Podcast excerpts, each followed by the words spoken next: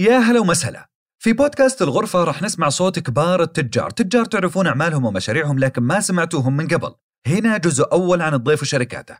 ضيفنا خبرته 35 سنة في القطاع الطبي الحكومي والخاص وهو شريك ومدير تنفيذي في الشركة الطبية التخصصية. ضيفنا رئيس اللجنة الوطنية الصحية في اتحاد الغرف السعودية حاليا وسابقا وعضو مجلس إدارة غرفة الرياض سابقا. الجزء الآخر عن القطاع هموما نتكلم اليوم عن القطاع الصحي والمستشفيات التخصصية. غرفة الرياض جماعتنا أنا محمد الوهيبي وضيفنا الدكتور خالد بن مكيمن السبيع العنزي المدير التنفيذي للشركة الطبية التخصصية. حياك الله معنا دكتور خالد. الله يحييك. يا أهلا وسهلا. أهلا الله يسلمك. آه، أبو جراح أنت من مواليد الكويت. آه، النشأة حتى نهاية المرحلة الثانوية كانت في الجهرة. طبعا أنا أعرف تاريخ ميلادك بس خلينا هالمرة نمشيها يعني بدون بدون تحديد. أه ودي يعني تتذكر لي أه أيامك الأولى والنشأة في الجهرة والكويت. وش تذكر منها؟ دائما الإنسان لما يعني يتذكر الماضي يذكر الطفولة. الحقيقة هي من أجمل حياة الإنسان هي الطفولة وبراءة الطفولة ولا مسؤوليات ولا شيء. فالواحد يشعر أنه يعني حر طليق. طبعا بدايتي كانت في مدينة الجهرة وكانت يعني في بدايات الجهرة كانت المدارس حتى محدودة و وكانت واحة الحقيقة زراعية وكان الحقيقة جمال الطبيعة مع جمال الموجودين كان الحقيقة يخلي الواحد دائما يعني يستذكر كل الأفكار والماضي الجميل الحقيقة. طبعا أنا درست فيها الابتدائي ودرست فيها المتوسط لما وجدنا المرحلة الثانوية. ما في مدرسة ثانوية في في مدينة الجهرة فاضطرينا نروح إلى منطقة منطقة أخرى نكمل فيها أولى ثانوي أو ثانية ثانوي وبعدين رجعنا الجهرة تطورت فصار فيها ثانوية وتخرجنا من آه، ثانوية الجهرة آه، والحمد لله يعني كنت في من المتفوقين آه، وبالحالة هذه بعد دائما بعد المدرسة ننتقل من مرحلة الطفولة لمرحلة الجامعة والجامعة هي الحقيقة تكوين شخصية ثانية غير الشخصية السابقة. وطبعا كان طموحاتي إني أكون مهندس وشغفي في الهندسة من ناتج من نجاحي في الرياضيات كانت أعلى علامة جبتها في الثانوية كانت في الرياضيات والفيزياء. إيش اللي غير رأيك طب؟ الحقيقة لها قصة. أنا دخلت جامعة الكويت يمكن لمدة شهرين في الهندسة وكنت مبسوط. لكن أخي الأكبر مني الحقيقة كان عنده طموح إنه يكون في الأسرة طبيب. فقلت له يعني الطب والهندسة كلها يعني جميلة وأنا كنت متفوق يعني إذا دخلت في الطب فأنا بإذن الله يعني أقدر أنجح ولا دخلت في الهندسة. قال لي لا أنا الحقيقة لما جانا واحد من الأصدقاء هو دكتور في الاقتصاد والسياسة ومعروف في المملكة. فتحدث مع أخي في هالمجال والله لو أرجع يعني سألوه سؤال كيف اخترت الاقتصاد ما اخترت شيء ثاني لو ترجع إلى الماضي إيش تدرس؟ قال لو أرجع إلى الماضي حدرس طب. وتأثرت فيها. فتأثرت الحقيقة بكلام أخي إنه يعني الطب له مكانة يعني. فقلت طيب وقتها كان جامعة الكويت لسه فاتحة كلية الطب.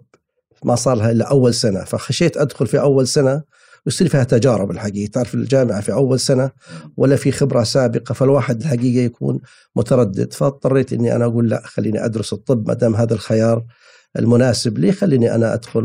وهذا اللي خلاني أنا أقدم إلى آه، جمهورية مصر. والحمد لله كان نسبة القبول من الطلبة كنت كنت الثاني. جميل. قبولي في كلية الطب في جامعة القاهرة. فتشجعت وطبعا الحمد لله سافرت القاهرة. وهي طبعا كانت أول سفرة الواحد يعني قاعد في مدينة الجهرة. ورجال يعني ما سافر قبل ولا يعرف الطيارة ولا يعرف كيف يسافر. هذا الكلام طبعا في أيام سابقة الوضع تغير الآن مع الحياة الجديدة. يعني أكيد أولادنا الآن أفضل حال في في التوصل للمعرفة السريعة. نعم. بس ترى إلى إلى فترة جيلنا يعني إلى قريب كان الطب والهندسة هي هي الطموح. حتى لو ما كان الواحد عنده استعداد والرغبة إنه يدرس طب وهندسة لكن المجتمع يبغاك تدرس طب وهندسة. أه صحيح. هو مطلب مجتمعي الحقيقة. يعني كان عدد الأطباء يعني في دول الخليج كلها كانت عدد بسيط وكان الواحد طموحه إنه يكون طبيب. آه، كان مطلب مجتمعي وبنفس الوقت ما في في العائلة ولا في حتى محور الأسرة الكبيرة قبيلتي وغيرها ما كان في الحقيقة. آه، عدد من الأطباء إلا البسيط جدا. فكانوا يعني الحصول له بالإضافة الحقيقة إنه دائما الطب له مكانة والطبيب له تأثير على المجتمع. وأنا أعتقد إن الناس لما اختارت الطب في ذيك الساعة أو في ذيك المرحلة أعتقد إنه كان خيار آه، جميل وعمل إنساني وأيضا تقدير من المجتمع. الحقيقة كان الطبيب له دور كبير آه، في حياة في حياة البشر. طيب دراسة الطب في القاهرة يعني هل ممكن تقارن لي بين دراسة الطب في دولة عربية وبين دراسة الطب في الغرب في أستراليا في أمريكا في آه، بريطانيا سواء غربا أو شرقا أقصد؟ يمكن في في المرحلة في المرحلة اللي إحنا كنا فيها كانت الدراسة آه، في مصر وفي في لبنان يمكن كانت هي الدول اللي كان الناس يعني يبعثون لها آه، في ذيك الفترة. الدراسة في أمريكا وبريطانيا ما كانت الحقيقة في في بداياتها بالنسبة لنا يعني ما كانت الحقيقة محببه يعني ما هي معروفة كثير. مم. كانت يعني الحضارة المصرية الحقيقة موجودة كان الناس لأن المدرسين أغلبهم من مصر الأطباء أغلبهم من مصر فالاتجاه دائما ترى إنه إيش الموجود وتفكر فيه. مم. فهذا يمكن الخيارات الدراسة أكيد في أمريكا في أوروبا تختلف شوي.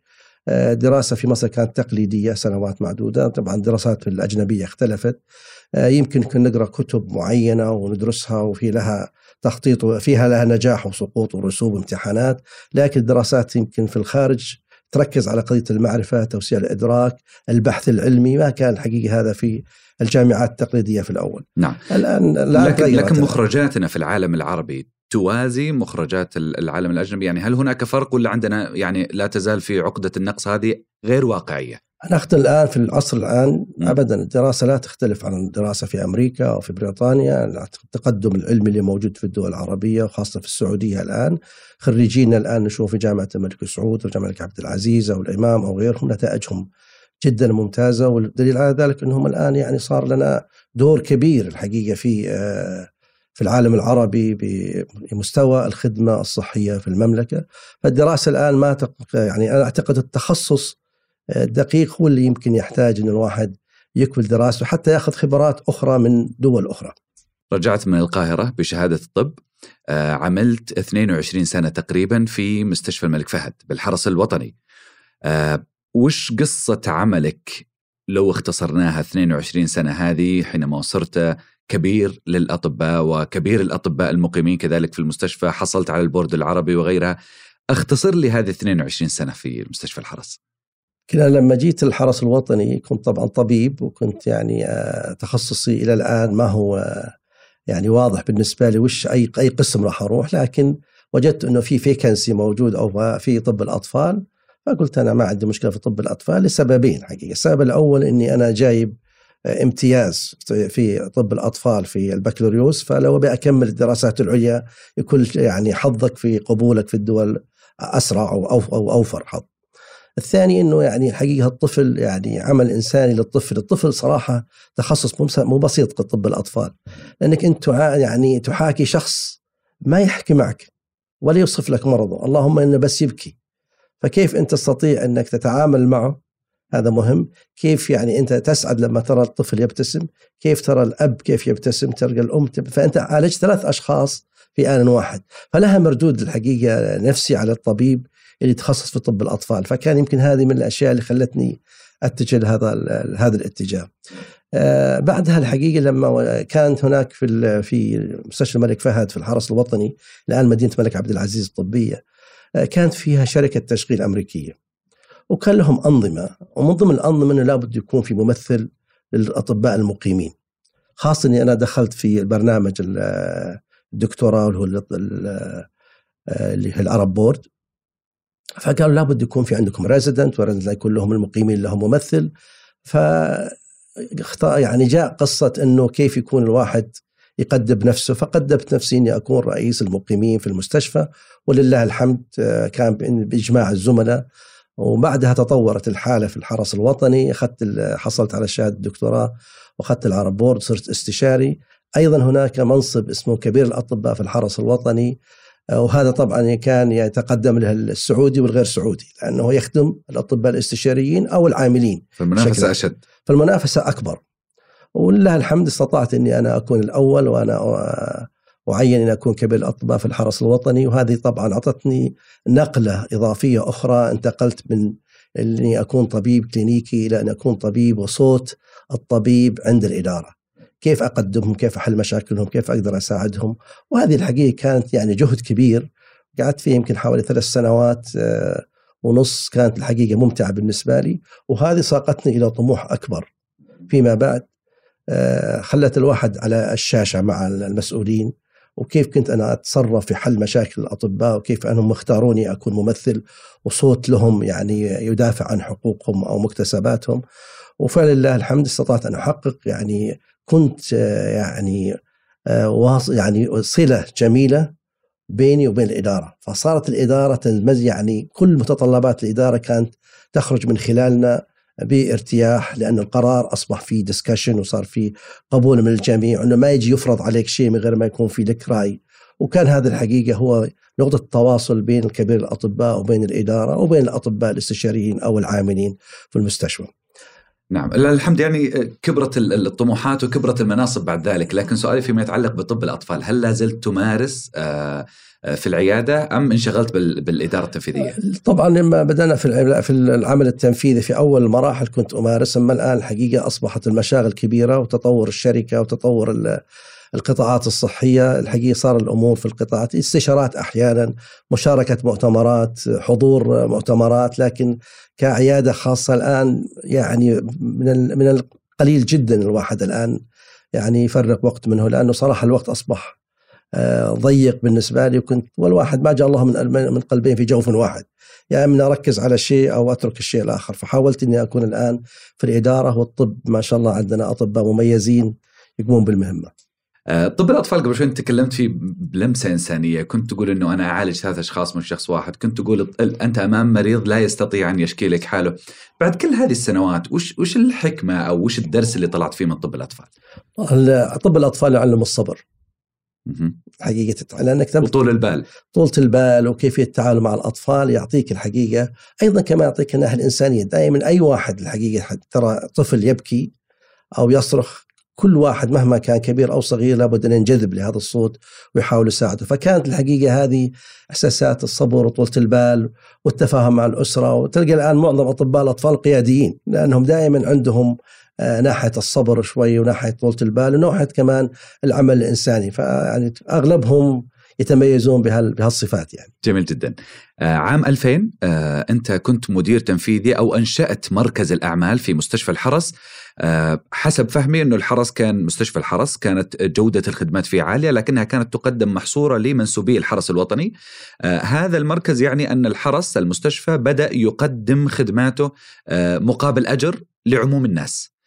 أنت من أنشأ هذا المركز مركز الأعمال حكيني عن هذه التجربة طبعا عشان أكمل القصة لما كنت كبير الأطباء المدير العام التنفيذي للحرس الوطني أصدر لجنة آه، تدرس موضوع اللي هو ال business center أو العمل مقابل الأجر. طبعا هذا مبني على مرسوم ملكي أنه القطاعات الحكومية الصحية تستطيع أن تستفيد من مواردها خارج أوقات الدوام ويكون للطبيب السعودي أو الطبيب المشارك السعودي نصيب حتى يعني يزيد من دخله. فكانت هذه الفكرة فجاء المرسوم بالحالة هذه كونا لجنة وكلفني المدير العام إني أنا أكون رئيس اللجنة. فبعد الدراسة قدمناها له بخطاب يعني آه، يعني دراسة جميلة وكيفية الآليات والأشياء وكيف عملها وبعدها سبحان الله وأنا كنت مسافر لأمريكا جاني اتصال تليفون إنه معالي الدكتور آه، مدير الحرس الوطني يطلب منك إنك تكون رئيس المركز آه، مركز الأعمال. طبعا أنا في هذا أنا كنت كبير الأطباء فبعد ما رجعت من أمريكا كلمته قلت معالي كان كان وقتها معالي الدكتور عبد الله الربيعة؟ كان معالي الدكتور فهد عبد الجبار. أنا أكرم أنا فكان الدكتور عبد الله الربيعة النائب. فطبعا ما دام كلفت صعب الواحد ولكن استشرت الزملاء من الأطباء قلنا هذا خيار يعني أو أطروحة جديدة وهذا طبعا برنامج وطني لابد إنه نحاول نساعد في نجاحه والحمد لله يعني الجماعة اقتنعوا فتركت كبير الأطباء وانتقلت إلى أن أكون مدير تنفيذي لمركز الأعمال وكان هذا طبعا موجود في الرياض والشرقية والغربية فكنت مسؤول تنفيذي عن هذا والحمد لله أقمنا يعني ثلاثة مراكز والمركز اللي موجود الآن في الرياض وفي الشرقية ما زال يعمل بنفس الآليات اللي إحنا حطيناها والدراسات اللي إحنا عملناها ولله الحمد هو من أنجح المراكز على مستوى المملكة. نجح القطاع الحكومي أو المستشفيات الحكومية في تقديم الخدمات الخاصة؟ من استفاد من تجربتكم؟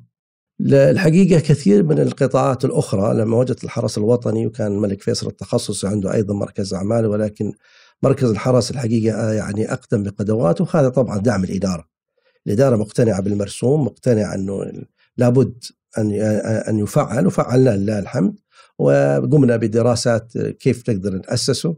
وطبعا تفاعلت معنا بعض القطاعات من وزارة الصحة من جامعة الملك سعود فكانوا يعني كل ما عندهم شخص يريد تدريب أو يعرف محاور أو يعرف ال rules وال regulations اللي موجودة في الحرس الوطني مدينة فهد الطبية فكنا الحقيقة ما نعطيهم الدراسات اللي عندنا أو نستقطبهم يجون يشوفون المركز ويقعدون معنا يومين أو ثلاثة أو أربعة ويشوفون كيف إدارة المكان. والحقيقة كان ناجح وهذا له تجربة أخرى آه، جميلة كيف القطاع الخاص يتعامل مع القطاع الحكومي. أنت من 2000 إلى 2007 بقيت في مركز الأعمال في الحرس ثم انتقلت إلى القطاع الخاص صحيح؟ آه أنا قبل أن نذهب إلى رحلتك في القطاع الخاص يلفت انتباهي أثناء كلامك وأنا أتذكر آه كثير من الأطباء تلقى الطبيب حالة استثنائية يداوم في مستشفى جامعي ويداوم في مستشفى خاص وممكن يدرس محاضرات في الجامعة وغيرها لماذا نشاهد هذه الظاهرة بين الأطباء؟ آه طبعا ما في شك لما فتح السوق السعودي الحقيقة وأصبح العنصر السعودي مهم ومطلوب. يعني الحقيقة الثقة في الطبيب السعودي أكبر بثقة من أي طبيب آخر. بحكم علمه بحكم كلتشر حقتنا بحكم ثقتنا فيه فصار مطلب الحقيقة. فطبعا من ضمن القرارات المرسوم آه، الملكي أنه أطباء الجامعات لهم الحق أن يعملوا في القطاع الخاص. فهذا طبعا أثر القطاع الخاص وصار يعني أطباء الجامعات الاستشاريين يعملون في القطاع الخاص فأصبح العنصر السعودي الآن له تواجد. يعني أنت تقصد إنه الأطباء يأخذون هذه الجولة أو يعملون في أكثر من مكان لأنه احتياج مادي لدى الأطباء أم نقص كفاءات في السوق؟ أنا أعتقد الاثنين مع بعض. أنا أعتقد إن الأطباء يعني لأن القطاع الخاص له طريقة وتكنيك مختلف عن القطاعات الحكومية. فأعتقد إنه هذا كان مطلب إنه قد يكون يزيد من دخله هذا أكيد، لكن النقطة الثانية إنه أيضا بعض الأطباء الحقيقة يحتاجهم السوق. يعني في تخصصات نادرة موجودة في مستشفيات الملك في الحرس الوطني في الجامعات في التخصصي في غيره ولا هم موجودين بالسوق. ويعني وكمان استخدامهم من الخارج أصعب. مكلف. فإحنا وجدنا إنه هذا هو الأنسب إنه ابن الوطن يستطيع أن يعني يفيد ويستفيد من التجربة وكانت الحقيقة العلاقة آه، جميلة بين الأطباء والقطاع الخاص وأيضا مع آه، القطاعات الصحية المختلفة. الحرس الوطني حقيقة تجاربه معانا وطريقته يمكن اللي خلت الواحد فيما بعد ينتقل كومبليت آه، القطاع الخاص آه، كان عندنا مشكلة في قضية الأسرة في الحرس الوطني. فكيف نخلق يعني أسرة إضافية لمنسوبي الحرس الوطني؟ فكان عندنا مجموعة من الأسرة كانت الحقيقة معبأة بالأطباء اللي هم المرضى الإقامة الطويلة وهذه يحتاجون إلى خدمة طبية ولكن لخدمه طبيه أقل من خدمة يعني خدمة تمريضية أكثر من خدمة يعني خدمة طبية. فمن خلال الحقيقة تجربتي استطعت إني أنقل المرضى إلى القطاع الخاص. نعمل عقد بين القطاع من الحرس الوطني ووحده المستشفيات الخاصة. ونبعث لهم المرضى وبالحالة هذه صار عندنا وفرة من الأسرة اللي نستطيع نستخدمها إما لمنسوبي الحرس أو نستخدمها للقطاع الصحي ال business center. وفعلا حقيقة أخذنا جناح في الحرس الوطني يمكن حوالي 15 16 سرير وعملنا لها رينوفيشن وظبطناها وعملنا لها يعني تحديث وجهزناها واستغليناها في قضية الاستفادة منها بعد آه، أوقات الدوام الأطباء والحمد لله كانت ناجحة. سوينا عقود مع شركات التأمين سوينا عقود مع أرامكو سواء في الشرقية أو في الغربية أو في الرياض. وهذه هي قصة انتقالك أنت دكتور في للقطاع الخاص ولا هناك قصة أخرى؟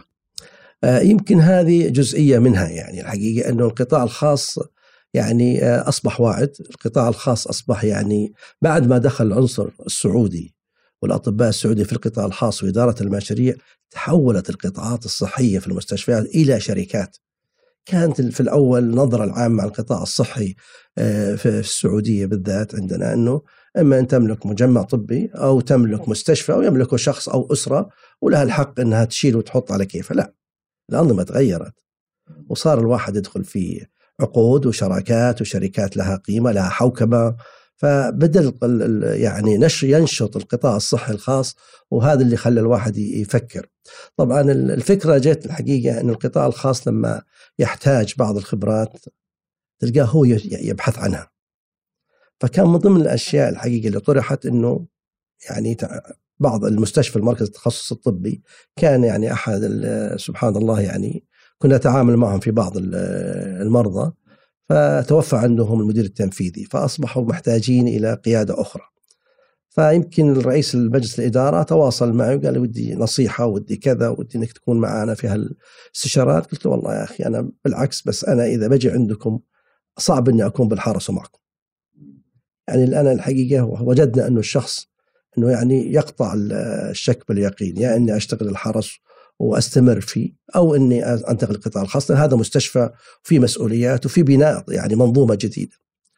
آه، فقدمت الحقيقة اقتراحي إلى معالي الدكتور عبد الله الربيعه وقتها كان هو المدير العام التنفيذي والحقيقة يعني آه، رحب بالفكرة ما هو يعني حب إنه يخلص مني لكن الحقيقة هو كان هدفه فعلا إنه أنا لازم أعزز من القدرات السعودية في القطاع الخاص، والشيء الثاني الشخص اللي بيعمل في المستشفى ويقدم يحتاج إنه كمان يقدر.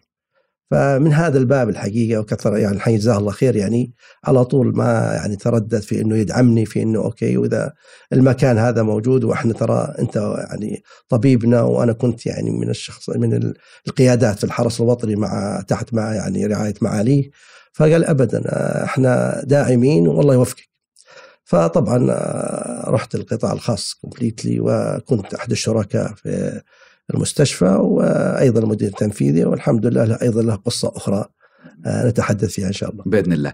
قبل شوي وأنت تسولف تقول إنه أنا ما أقدر أركز في الاثنين يا أركز مجهودي في في المستشفى الحرس أو أركز مجهودي في المكان الجديد. وهذا يخليني أرجع لسؤالي الأول فيما يتعلق بعمل الأطباء في أكثر من مكان. هل عمل الأطباء في أكثر من مستشفى وفي أكثر من عيادة يؤثر على تركيزهم، يؤثر على جودة أدائهم. آه، إحنا من من طرفنا كمراجعين برضو نلاحظ بعض الأحيان تدخل على دكتور مو فاضي لك مو فاضي يسمع منك اللي على طول اللي بعده. تحس الموضوع أنه systematic آه، ماشي ب system معين. هل تشعر بكل صدق وبأمانة أنه الممارسة الحالية من بعض الأطباء في العمل في أكثر من مكان تؤثر على جودة آه، جودة يعني عطائهم؟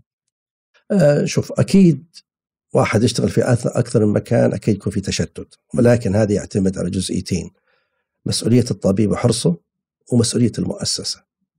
يعني في بعض التخصصات ممكن يكون من أكثر من مكان لأنه طلباته محدودة وتخصصه نادر فما تطلبه في كل يوم وكل ساعة. لكن التخصصات المعروفة يعني دائما إذا كان في مكان أو مكانين هذا هو الماكسيمم وأعتقد الآن حتى في القطاع الخاص يسمح للشخص أن يعمل في في مكانين فقط. وهذا يعني يعطيك حرية ويعطيك مساحة إنك يعني تستطيع تشتغل في أكثر من مكان. الشيء الثاني مسؤولية المؤسسة أيضا إنها تحافظ على جودة الخدمة. إنه الطبيب لابد يكون في أطباء يساعدونه، في أطباء يشرفون على الحالة، في حالة استدعاء إذا هو موجود أو غيره، فدائما يعني هي تنطبق مسؤوليتها على الطبيب وتركيزه على لكن أكثر من مكان في في تخصصات غير نادرة أعتقد إنها ترهق الطبيب بالاخير. والحالة هذه أكيد إذا أرهق الطبيب التركيز يكون أقل. وتعرف الأطباء أكثرهم اللي عندهم يعني سكيلز أو مهارات جراحية فيها تعب وفيها جهد فيها مسؤوليات. فإذا ركز الواحد في واحد أو اثنين وحط له نظام أنا أعتقد أنه سلامة المرضى أيضا مهمة. نعم. آه، أنت الآن شريك ومدير تنفيذي للمستشفى المركزي الطبي التخصصي اللي موجود في عند ميدان القاهرة. تقاطع طريق الملك فهد مع طريق خريص آه لكن قبل هذا كان في عندك تجربة مستوصف خالد الطبي في النسيم. آه هل هذيك التجربة ما أعرف إذا كان مسكوت عنها هل كانت فاشلة أو تجربة لا تزال تفخر فيها أو لا تزال تجربة مستمرة وتتطور وتتوسع لكنك انفكت علاقتك معها؟ لا الحقيقة هي ما زالت الحمد لله طورناها ولا تركناها بالعكس هي يعني يمكن النموذج الأول الحقيقي اللي أنا يمكن أسسته وتأسيسه له الحقيقة بقناعة. إنه كانت المنطقة اللي هو فيها كانت محتاجة ومحتاجة جودة خدمة. وخلاني الواحد الحقيقة يعني يؤسس هذا الشيء طبعا آه، ما ما زودت أكثر من مجمع واحد لأن الحقيقة ارتبطت في المستشفى وأنا كنت يعني آه، حريص إنه يكون إما أقدم خدمة جيدة أو ما أقدم. فلله الحمد بالعكس استمر وحول من مجمع إلى شركة والآن الابناء هم يشتغلون فيه وهم اللي حريصين الآن عليه والحمد لله يعني أعتقد إنها الأبناء هو ابنك جراح الآن صار طبيب أسنان ويعمل في مستشفى خالد آه ابني جراح نعم هو طبيب أسنان وعنده ماستر في ال health administration hospital administration من بريطانيا وهو الآن يعمل آه، معي في اشرافه على المجمع وأيضا مش أشركناه في المستشفيات. الحمد لله إحنا عندنا الآن الشركة الله يبارك فيه الشركة الطبية التخصصية الحقيقة تجربتي فيها ثرية أنا بالنسبة لي. من خبرة إنه كان مستشفى آه، كان 80 عيادة وكان حوالي 120 150 سرير. الآن المستشفى وصل إلى الضعف. الأرقام هذه الحمد أنشأنا من حوالي سنتين. المستشفى الثاني على طريق الملك عبد الله وأيضا الآن الحمد لله حنأسس المستشفى الثالث على طريق على الدائري الشمالي.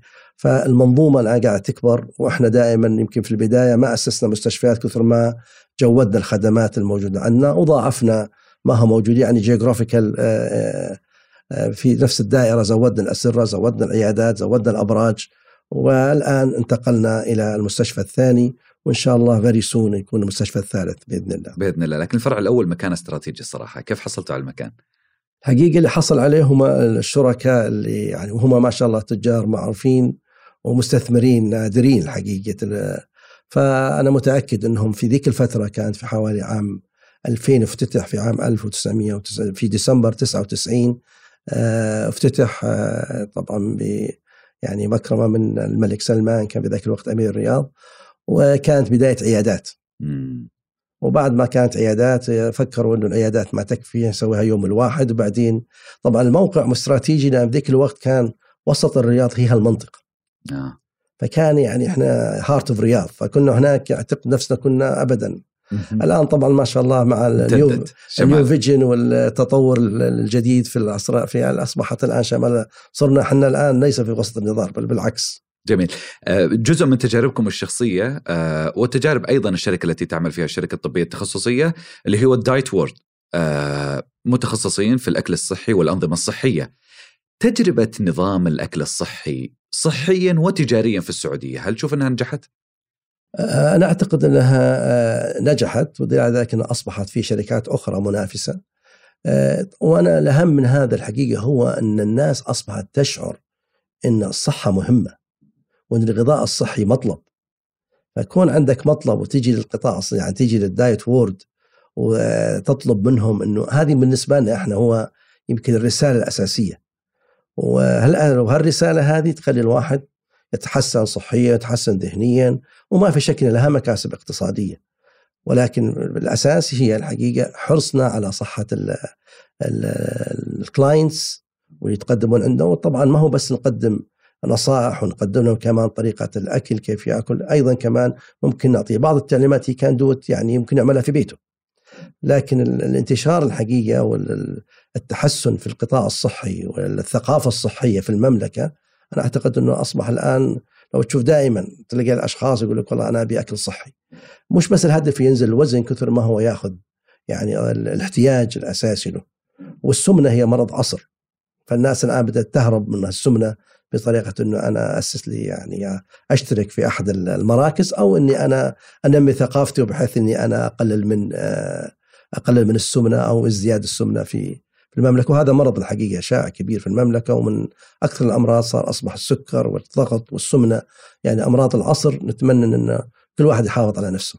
قبل فترة شفت تغريدة الواحد التزم بنظام صحي ثم قال يا أخي من معقولة أدفع أكثر وأنا أقعد طول اليوم جوعان.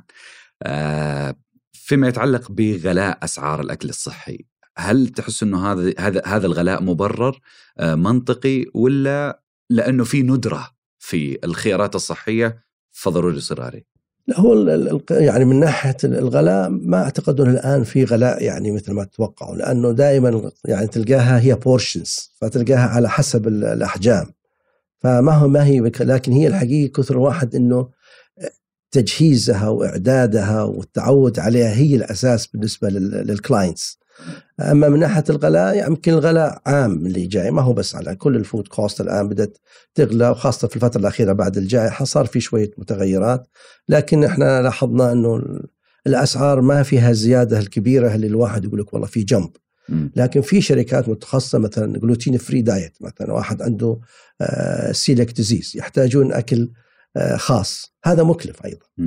فايضا توصيل الأكل أيضا كمان هذا أصبح مكلفة الآن خاصة مع ازدياد البنزين والمشتقات البترولية الآن. فكلها تمشي مع بعضها الحقيقة لكن الأكل الصحي أنا أعتقد أنه مطلب لكل شخص لحماية نفسه وحرصه على نفسه. جميل جدا. آه، في نهاية هذا الجزء المتعلق فيك ضيفنا الكريم ومتعلق بالشركات ودنا نسمع صوتك. إذا كان صوتك مسموع إيش ممكن تقول؟ حقيقة أنا إذا بقول فأقول للشباب يعني آه، كن حريصا على عملك. كن متواجدا في عملك. كن مخلصا في عملك تنجح. أعطي عملك كل تركيزك. طبعا. ما في شك أنه مهما كان الإنسان إذا آمن بشغلة وحافظ عليها ما عنده قرار إلا النجاح. وهذا الحقيقة تعودنا عليه وهذا اللي قاعد أوصله لأولادي وأوصل الأصدقاء اللي يجلسون معنا لأنه حقيقة العمل الإخلاص في العمل والتواجد في العمل وحرصك على العمل حيثري الشركة أو الشخص اللي موجود معك أنه أنت مثالي له. بالحالة هذه الشركة معك. كلهم مثاليين راح يكونون. والتواجد موجود يعني والوقت يعني كنز يعني time is money صح. إذا أنت حرصت عليه أكيد آه، حتكون ناجح. يمكن تكون الأسماء اللي مرت عليك وأثرت فيك في حياتك كثيرة لكن على عجالة وباختصار مين الأشخاص اللي أثروا عليك في حياتك؟ يمكن في بدايتي في طفولتي أنا أعتقد إنه اللي أثر علي كثير هم والدتي الله يرحمها والاولاد وأبناء عمومتي اللي هم محور عائلتي. لما رحت إلى القاهرة أعتقد إنه كان أخي من الداعمين مع والدتي. وخاصة إني أنا يعني كنت آخر العنقود في الأسرة فكان فكانت الوالدة حريصة إنه الغربة عليها صعبة بالنسبة لي ولكن هي كانت داعمه لله الحمد. وهذا جميل بالنسبة لي إنه استطعت إني أسعدهم بالأخير في النجاحات. في المطاف لما الواحد أخذ الشهادة وأخذ ال... يبدأ عليه دراسة الدراسات العليا، أنا أعتقد إنه كانت والدتي الله يرحمها أيضا وزوجتي. أنا أعتقد الزوجة لها دور كبير وأهم سبب آه، في وجود الزوجه هي تربية الأولاد. تكوين الأسرة، تربية الأطفال، أنا أعتقد إنها أصعب من الدراسات. لذلك كان عندك الوقت الكافي إنك أنت تكمل دراستك وتنجح في دراستك وتحقق أمنيتك لولا دعم الوالدة ثم الزوجة الاخير الأولاد لما وصلنا لما وصلنا إليه. وتوصل أكثر وأكبر بإذن الله أبو جراح. ننتقل إلى موضوع القطاع، آه، أبغى أتكلم عن المستشفيات، عن القطاع الصحي في المملكة العربية السعودية، هل لديك بعض الأرقام ممكن تشاركها معنا؟ آه، يمكن بدايتي في القطاعات الصحية بعد ما كنا في الحرس الوطني في ال business center اشتركت في آه، الغرفة التجارية في اللجنة الصحية في غرفة الرياض هي من أكبر الغرف. وكنا نتواصل مع بعض المس... آه، الأعضاء فيها كيفية خدمة القطاع الخاص خاصة أني أنا أمثل قطاع حكومي. وهم يمثلوا قطاعات صحية فكان في بيني وبينهم نوع من التواصل. وبعدها يعني الواحد انتقلنا لما انتقلنا القطاع الخاص اشتركنا معاهم وكنت نائب رئيس اللجنة ثم صار رئيس اللجنة في غرفة الرياض. وبعدها الحمد لله انتقلنا إلى آه، أني أكون رئيس اللجنة الوطنية الصحية بمجلس الغرف أو باتحاد الغرف الآن. وهالنقلة هذه الحقيقة خلت يعني الواحد آه، أطلعتك على الكثير من الأرقام والأوضاع. طبعا فأول ما شفنا الأرقام يعني لما تيجي على الأرقام تلاقي إحنا القطاع الخاص أين من القطاعات الحكومية الأخرى. وجدنا القطاع الخاص يمثل تقريبا 30% من تقديم الخدمة من 25 30% يمكن الآن حتوصل إلى 35 very soon بالمية. الجزء الأكبر كانت وزارة الصحة. لما جينا نتكلم معاهم في وزارة الصحة وش المطلوب من القطاع الخاص؟ كان في يمكن قبل سبع ثمان سنوات كان البد سيتويشن ما في أسرة كافية. عشان كذا يمكن في العشر سنوات الأخيرة كانت في طفرة في عدد مستشفيات القطاع الخاص. واللي انت تشوفها في الرياض وفي جدة وفي الشرق. كم كم عدد المستشفيات الحكومية وعدد المستشفيات الخاصة؟ المستشفيات الحكومية أنا أظن بحدود حوالي 270 280 المستشفيات الخاصة تقريبا النص 140 إلى 150 آه. مستشفى. فهذا اللي يعني العدد اللي نتكلم فيه. طبعا مستشفيات القطاع الخاص مش كلها بأحجام كبيرة. أغلب مستشفيات القطاع الخاص من الاحجام الصغيره والمتوسط. آه، يمكن في الرياض هي الأكبر وجدة صار فيها والشرقية أما بقية المستشفيات في المناطق النائية اعداد عدد أسرتها أقل. جميل فصار في قفزة في موضوع عدد الأسرة في المستشفيات. صحيح. ثم طبعا بعدها الآن بدأت المنافسة مم. الآن لما تبدأ في القطاع الصحي تجد أنهم يقدمون خدمات مختلفه للمستشفيات سواء كانت مستشفيات جامعية أو عسكرية أو حكومية ومستشفى الملك فيصل التخصصي وزارة الصحة والقطاع الخاص. مم. فبدأت الآن التوسعة اللي صارت الآن والطفرة. وطبعا ما تنسى الآن إحنا في آه، الفيجن 2030 القطاع الخاص لازم ينمو. ومن ضمن القطاع الخاص هو القطاع الصحي. فكانت الحقيقة إنه الكثير من الأشخاص الآن المستثمرين أصبحوا يجتهدون في قضية تكوين آه، كيانات صحية آه، متكاملة. وأنا أعتقد النظرة المستقبلية الان آه، حتكون على ال primary care وال hospitals secondary and tertiary care اللي هي المنظومة المتكاملة من primary care في المناطق أو في الأحياء إلى أن تصل إلى المستشفى. ال primary care اللي هي الرعاية الرعاية الأولية نعم. الرعاية الأولية. طيب آه، دكتور أنت تجربتك صراحة أستثنائية فيما يتعلق بالعمل بين القطاع الخاص والحكومي لأنك عملت في الحرس زي ما ذكرنا قبل شوي. خلينا نقول خصخصت أو يعني أنشأت مركز أعمال آه لتقديم خدمات القطاع الحكومي بمقابل ثم انتقلت للقطاع الخاص وأنت الآن عضو في مجالس إدارات وهيئات وغيرها فأنت مطلع على الأوضاع.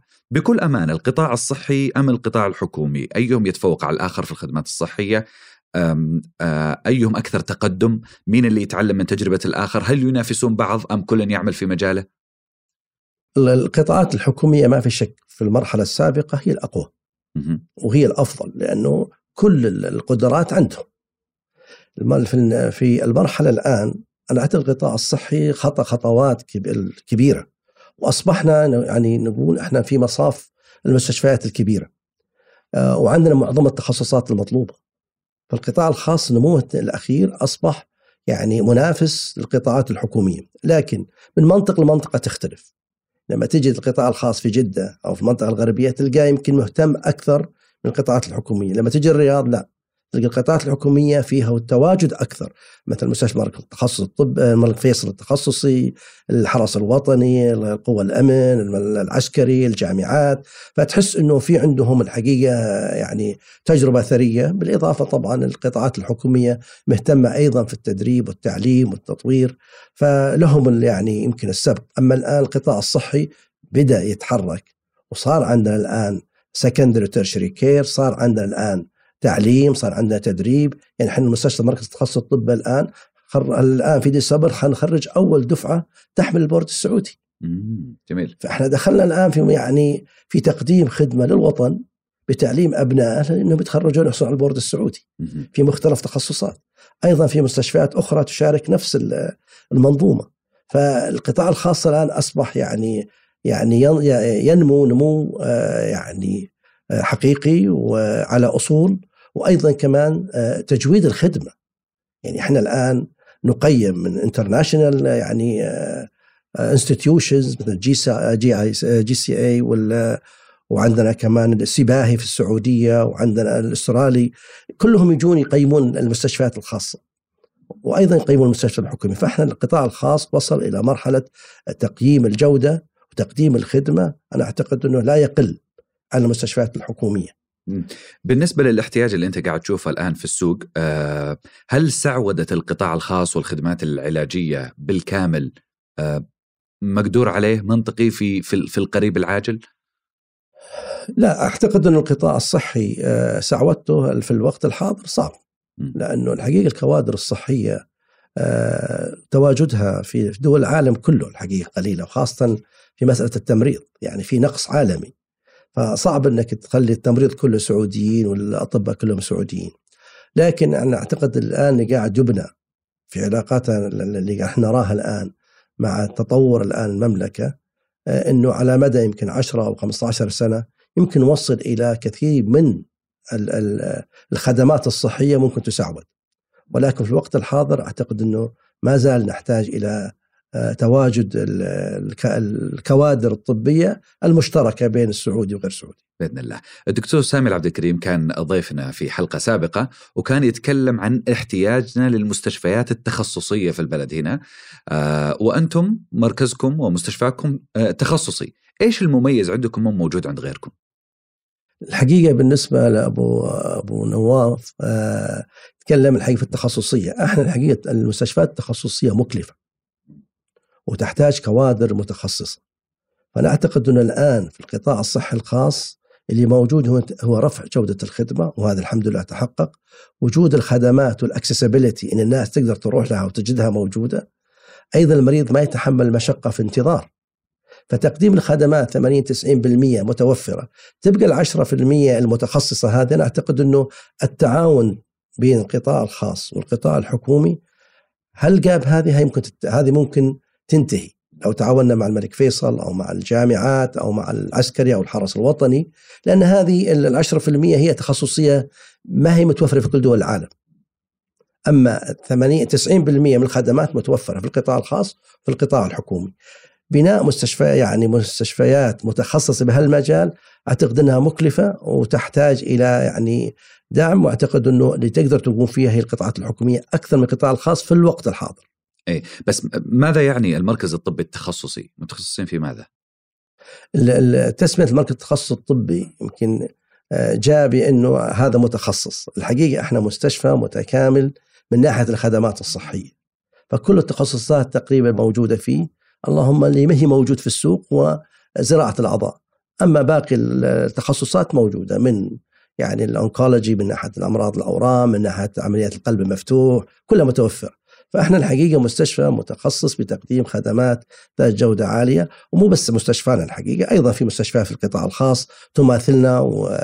وعندها نفس الإمكانيات وهذا لله الحمد يعني ما يعطينا خوف من التنافس كثر ما يعطينا إنه البلد بخير وإن البلد قاعدة تنمو وإن إحنا نتعاون مع بعض وهذا اللي نتمناه مستقبلا إن يكون في تعاون بين القطاعات الخاصة والقطاعات الحكومية للارتقاء بالقطاع الصحي. هل لا يزال الناس يحتاجون أن يذهبوا إلى الخارج من أجل العلاج؟ وما زال في بعض الأمراض الدقيقة جدا يمكن الواحد يفكر فيها لأنها يمكن بعضها تحت طور الأبحاث لكن كمنظوم يعني كمن... كنظرة واقعية للأمراض العامة أنا أعتقد أنه يمكن 98% من الأمراض علاجها متوفر في السعودية وخاصة في المستشفيات المتقدمة يبقى عندنا الجزئية البسيطة هذه اللي يحتاج شيء مش متوفر في المملكة يمكن يحتاج يروح الخارج. لكن أنا أعتقد أنه الآن الاحتياج أصبح أقل بكثير مما كان عليه في السابق.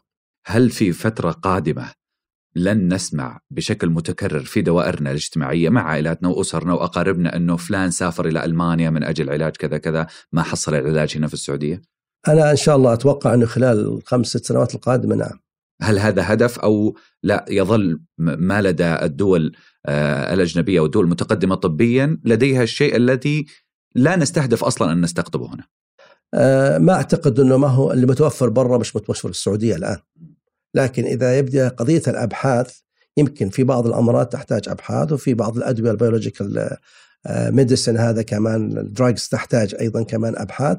يمكن هذه الأشياء الواحد يستحب يستقطبها. لكن أنا أعتقد أنه الخدمات الصحية في المملكة وأثبتتها الجائحة أنه متقدم وأنه فيه جودة عالية وأنه إن شاء الله في المسألة حنكون عندنا يعني آه، عودة إلى أنه العلاج السياحي حيكون في المملكة. اللي يروح حيجينا والعلاج السياحي أو الفيزا التأشيرة السياحية العلاجية الحقيقة أعتقد أنها أصبحت مطلب الآن لتوفر القطاع الخاص. أيضا القطاعات الحكومية الآن حتتحول إلى كلاسترز وحتكون أيضا هي كمان آه، يعني هدف آخر في الاستثمار. فأنا متأكد إنه العلاج السياحي في المملكة حيكون له شقين، شق صحي وشق روحاني، يعني بعض الأخ الأخوان يحبون يجون يأخذون عمرة ويأخذون اللي بيحج واللي بيشوف آه، مكة والمدينة، فعندنا عنصرين مهمين في المملكة الحقيقة، التقدم العلمي في الصح التقدم العلمي الصحي وأيضا وجود الحرمين الشريفين. الحرمين الشريفين. هذه يخلي الحقيقة السعودية يعني مركز متميز. طيب آه، داخليا في المملكة العربية السعودية آه، إلى متى سنرى آه، الناس تسافر من تبوك ومن أبها ومن حفر الباطن للرياض عشان عندهم مراجعات أو مواعيد أو مستشفيات؟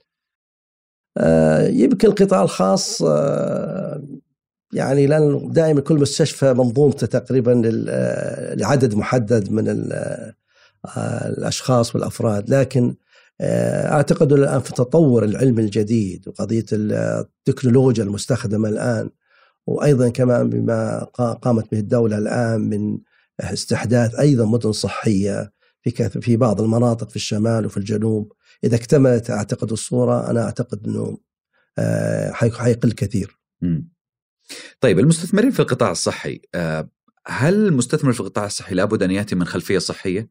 لابد أن يكون هناك شريك طبيب سعودي في في المنشأة أم من الممكن أن تنجح في الاستثمار في القطاع الصحي دون أن تكون ذو خلفيه صحيه؟ الاستثمار الصحي لا يعني أن يكون طبيب. م. لكن أن يكون معه طبيب أو يكون معه شخص متخصص في في الإدارة الصحية أو في المنظومة الصحية هذا أكيد يكون يعني عامل مساعد كبير لنجاحه. لكن معظم رجال الأعمال الآن في القطاع الصحي ما هم أطباء. ولكن لابد أن يعتمدوا على يعني إما لجان صحية تكون معهم أو أشخاص لهم يعني دراية في الإدارة الصحية أو في القطاع الصحي ويأخذون من لأنه الحقيقة وهذا من مطالب المستشفيات أن يكون المدير آه، طبيب استشاري سعودي. وهذه ميزة حقيقة أنه عشان يعني يثبت في قضية ال quality of care من ناحية جودة الخدمة ومن ناحية كمان أنه المنظومة تكتمل أني أنا أرى أنه في أطباء سعوديين قادمين من مؤسسات كبيرة لن يقبل إلا أن يكون بنفس المستوى. وهذا يمكن من الأشياء الحقيقة اللي إحنا نفخر فيها في السعودية إنه الأطباء السعوديين متميزين والنجاحات اللي نشوفها الآن في القطاع الصحي أنا أعتقد إنه واضح للعيان إنه المملكة تخطو خطوات آه، كبيرة في هالمجال.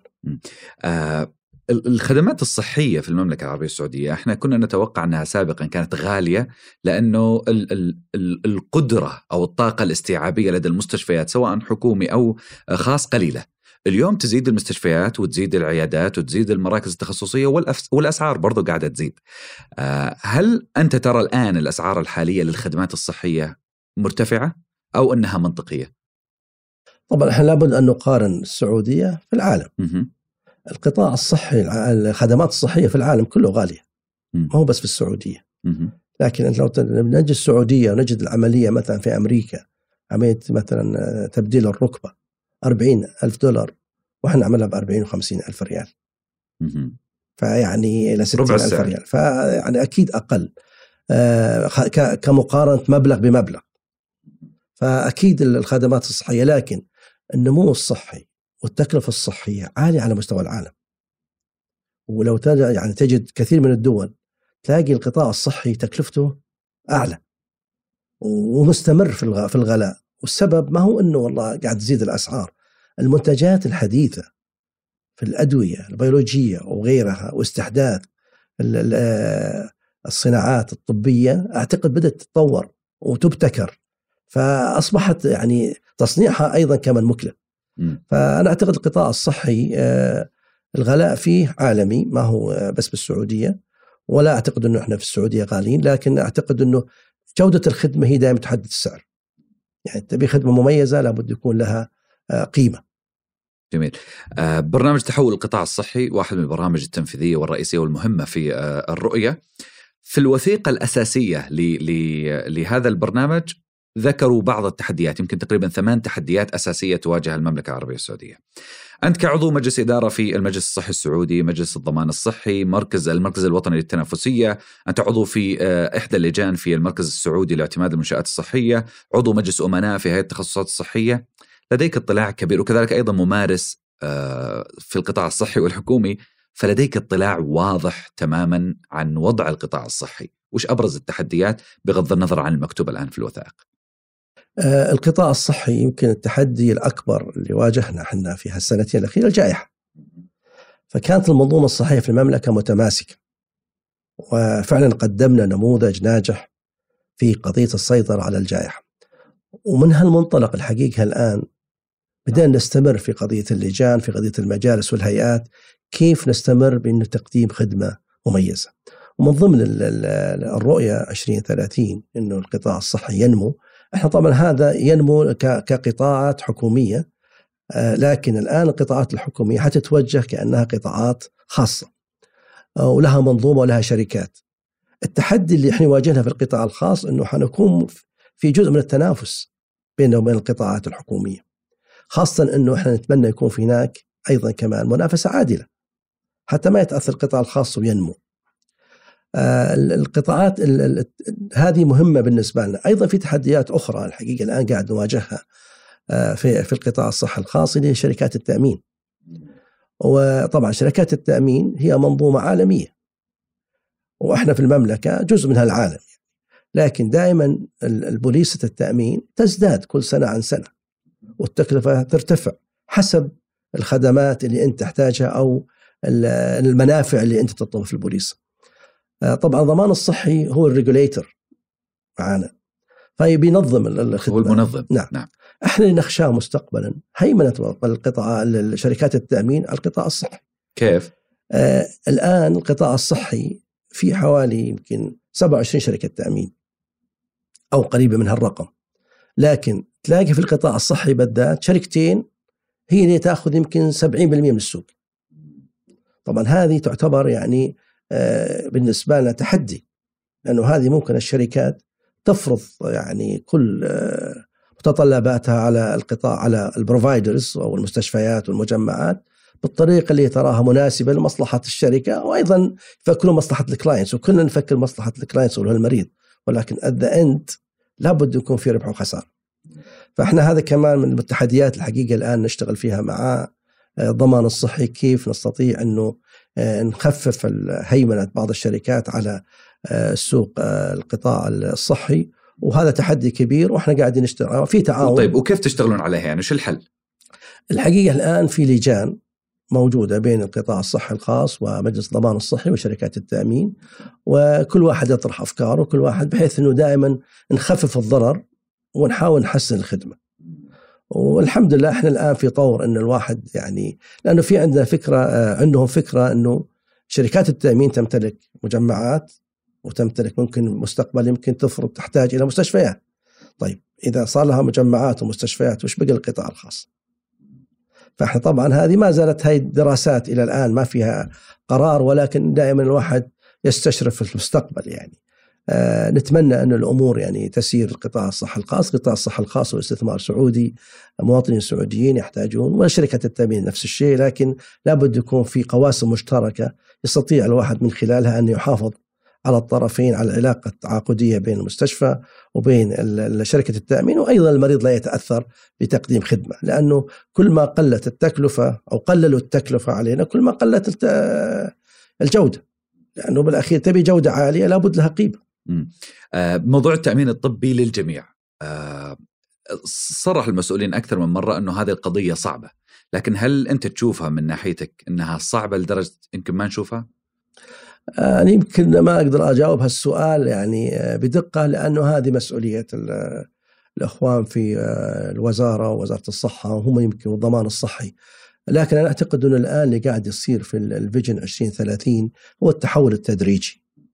وبالأخير حنوصل إلى conclusion بالأخير يصير زي ما هم قاعدين يقولون clusters وشركات وشركات حتنمي مواردها بحيث تكون لها يعني موارد مختلفة وبالحالة هذه يكون تعالج الأشخاص المعنيين بهم لكن هل بيكون في تأمين عام على الجميع؟ إحنا كقطاع خاص نتمنى يكون على الجميع والواحد عنده حرية الاختيار، لكن هذه لها حسابات اقتصادية ولها حسابات تكلفة ولها مشاريعها، أنا أعتقد إنه آه، المستقبل آه، حيوضح أكثر من آه، أو الانتظار حيوضح لنا أكثر، لكن التوجه العام الآن إلى أنه يكون في عبارة عن تجمعات صحية لها كياناتها ولها تنافسية معانا يعني ولكن إحنا آه، التنافس العادل أنا أعتقد له منطقي وبالعكس هذا من صالح المرضى يختار وين الخدمة المميزة يقدر يروح لها بكل حرية.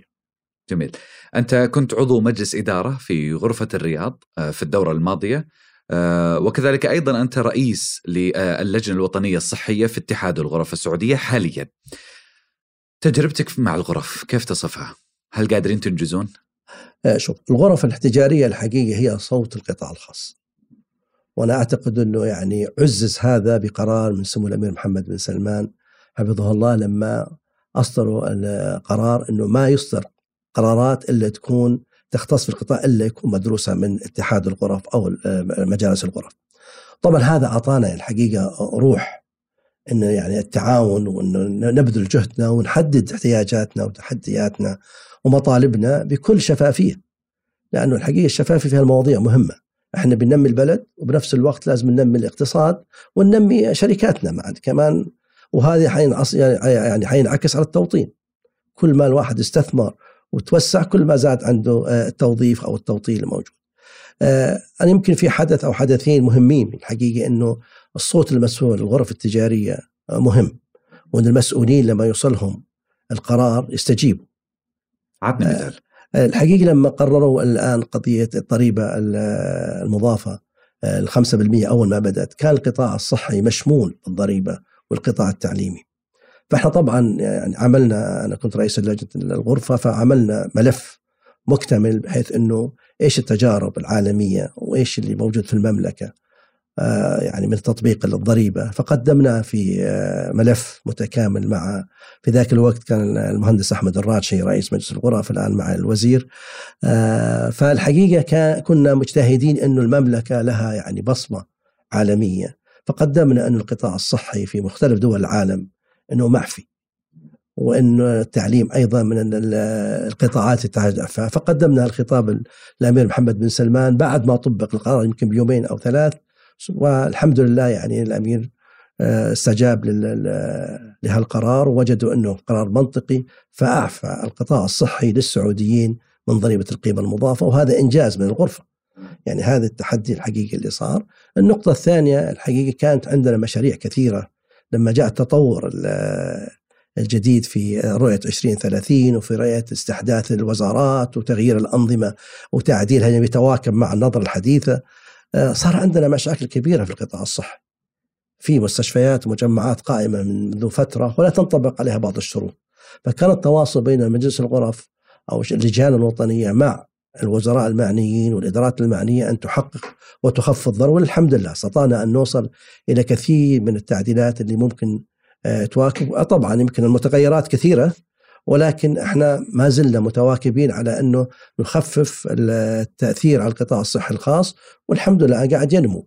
يمكن التأثير على المجمعات أكثر ضغطا من شركات التأمين وهذا يمكن هو سبب تقلصهم الآن وعدم زيادتهم. لكن الزيادة المضطردة في المستشفيات دل على أنه في نمو وفي يعني آه، إجراءات قاعدة تتعدل لمصلحة وهذا طبعا فتح الاستثمار الخارجي.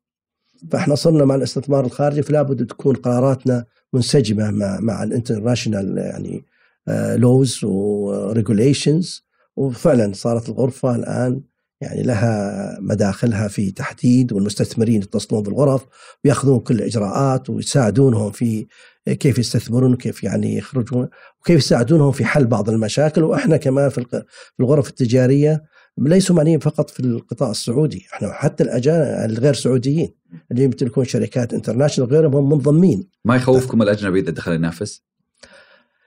الأجنبي ما أعتقد إنه يخوف لأن الحقيقة إذا دخل الاجنبي ب international company لها قيمة إضافية الله يحييه. أما يدخل معي بنفس كفاءتي ليش يدخل؟ يعني أعتقد انه إحنا يعني أعتقد انه إحنا عندنا كفاءة إن نطور أنفسنا ونزيد من أعدادنا. لكن إحنا نقول المستثمر الأجنبي اللي عنده تخصصات نادرة أو عنده بصمة إضافية يدخل بالعكس أنا أعتقد إن هذا حيطور من البلد. جميل، أنتم في اللجنة الوطنية الصحية على ماذا تعملون الآن؟ يعني وش نتوقع منكم في المستقبل؟ كل خير إن شاء الله. والله الحقيقة اللجنة الوطنية هي تعمل الآن مع الهيئات الحكومية بشكل عام على تخفيف الإجراءات، تسهيل الإجراءات، تحقيق طموحات المستثمرين. آه، الحقيقة الدعم اللي نقرأه الآن آه، نجده من القيادة لدعم القطاع الخاص. يعني أتمنى أنه يزيد والملك حفظه الله يعني في آخر لحظة أنه أعطوا المستحقات للقطاع الخاص أنا أعتقد أنه هذا من الأشياء الأساسية أنه القطاع الحكومي لما يتعاقد أو عندك بينك وبينهم مستخلصات لابد يكون لها time limit إنه خلص تأخذ عقدك مستخلصك بحيث أنا أقدر أبني عليها استثماراتي وكيف أنا أقدر أحسن من أداء الخدمة وأطور في منشأتي. فأعتقد إنه إن شاء الله يعني نأمل إنه الأمور يعني تسير بما نتمناه. آه، الحراك آه، واسع وكبير. المسؤولين الحقيقة أذاني صاغية.